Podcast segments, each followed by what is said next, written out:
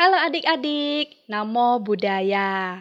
Salam kenal, kakak bernama Haryanti. Dan kali ini kakak akan memandu cerita dalam podcast Dhamma Mita for Kids. Sebuah program cerita seru anak-anak dengan tema ajaran Buddha. Nah adik-adik, minggu lalu kita sudah mendengarkan cerita tentang Pangeran Ajata I. Masih ingat kan? Sangat disayangkan, pangeran bergaul dengan orang yang salah, sehingga ia akhirnya harus menderita.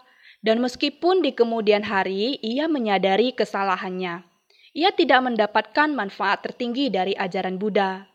Nah, untuk cerita kali ini, kakak akan menceritakan kisah yang masih berhubungan dengan Dewa Data dan Pangeran Ajata I. Selamat mendengarkan. Saat itu, Buddha dan sejumlah besar siswanya sedang berdiam di Raja Gaha.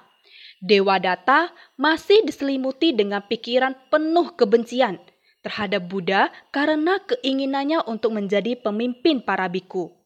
Berbagai cara sudah ia lakukan untuk membunuh Buddha Gautama, namun tidak ada satupun rencananya yang berhasil. Tapi Dewa Data tidak kehabisan akal.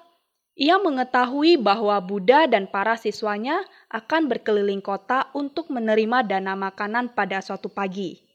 Maka ia kemudian pergi menemui Pangeran Ajata I yang kala itu masih menjadi siswa setia dari Dewa Data. Pangeran, di kerajaan ini hewan apa yang paling kuat dan ditakuti yang menjadi milikmu? Oh guru, tidak ada hewan lain yang lebih kuat dan ditakuti daripada Nalagiri, gajah kerajaan yang paling besar dan paling kuat. Dan ia ditakuti oleh siapa pun yang mendengar namanya, karena ia juga seekor gajah yang beringas. Bagus, bagus, pangeran. Itulah yang aku butuhkan saat ini untuk menjalankan rencanaku. Dan dengan seizin dari Pangeran Ajata I, Data pun pergi melihat Nalagiri. Wah, benar-benar gajah yang perkasa dan kuat. Wahai pawang, besok pagi-pagi sekali berikan kepada Nalagiri hanya arak untuk minumnya. Tidak boleh diberikan minuman selain arak. Nah, adik-adik, keesokan harinya, pagi-pagi sekali sebelum matahari terbit, pawang gajah memberikan arak kepada Nalagiri seperti yang diperintahkan oleh Dewa Data. Tidak lama kemudian, Nalagiri pun menjadi mabuk dan berperilaku sangat kasar. Setelah waktunya tiba, pintu kandang gajah Nalagiri dibuka dan Nalagiri yang mabuk pun menerjang keluar kandangnya. Sementara itu, trompet-trompet ditiup untuk memperingatkan para penduduk bahwa Nalagiri telah dilepaskan ke jalan. Para penduduk sangat ketakutan. Semua berhamburan untuk mencari tempat untuk bersembunyi pedagang-pedagang menyelamatkan barang dagangannya dan segera menyingkir dari jalan. Kala itu, Buddha dan para siswanya baru saja meninggalkan wihara Weluwana untuk menerima dana makan pagi di kota Raja Gaha. Ketika mendengarkan suara trompet yang meraung-raung, para biku pun menjadi tidak tenang.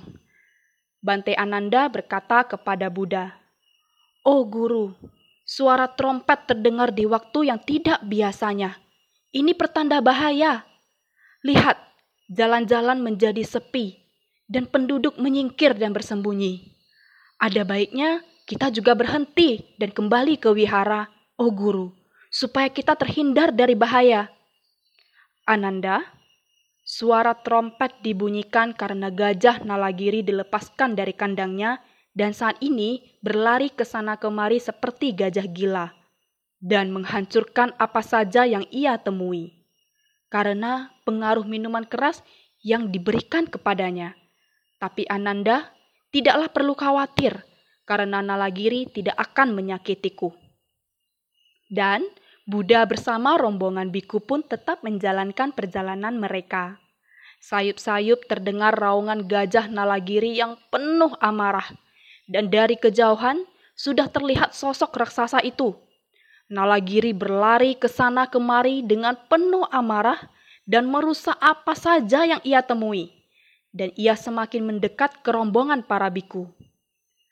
Dan ketika Nalagiri sudah cukup dekat dan ia dapat melihat Buddha dan para biku yang berjubah kuning tersebut, ia pun menghantam tanah dengan kaki-kakinya, mengembangkan telinganya, dan menaikkan ekornya.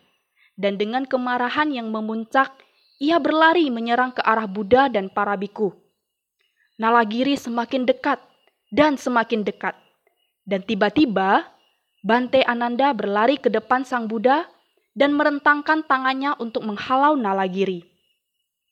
Aku tidak akan membiarkan gajah itu menyerang dan menyakiti guruku, pikir Bante Ananda. Dan karena rasa kasih Bante Ananda yang luar biasa kepada gurunya, ia sampai lupa pesan Buddha agar semua tetap tenang dan berada di tempat masing-masing. Buddha kemudian menggunakan kesaktiannya sehingga Ananda kembali berada di tempatnya semula, yaitu di belakang Buddha. Jangan khawatir, oh Ananda. Tidak ada makhluk di alam semesta ini yang dapat membunuh seorang Buddha. Nalagiri tidak akan mampu menyakitiku. Lalu, Buddha memancarkan meta atau pikiran penuh cinta kasih kepada gajah Nalagiri. Waktu itu, gajah Nalagiri sudah berada sangat dekat dengan Buddha.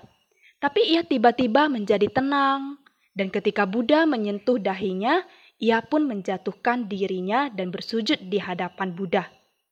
Dengan belalainya, ia membersihkan kaki Buddha dari debu dan menaburkan debu tersebut ke kepalanya.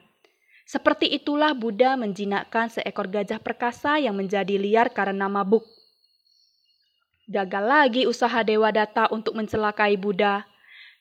Dan pada akhirnya nanti, Dewa Data akan menerima akibat dari perbuatan jahatnya. Nah, adik-adik, hebat ya kekuatan cinta kasih dari Buddha. Tapi kekuatan cinta kasih bukan hanya dapat digunakan untuk menjinakkan gajah yang sedang marah seperti pada kisah ini loh.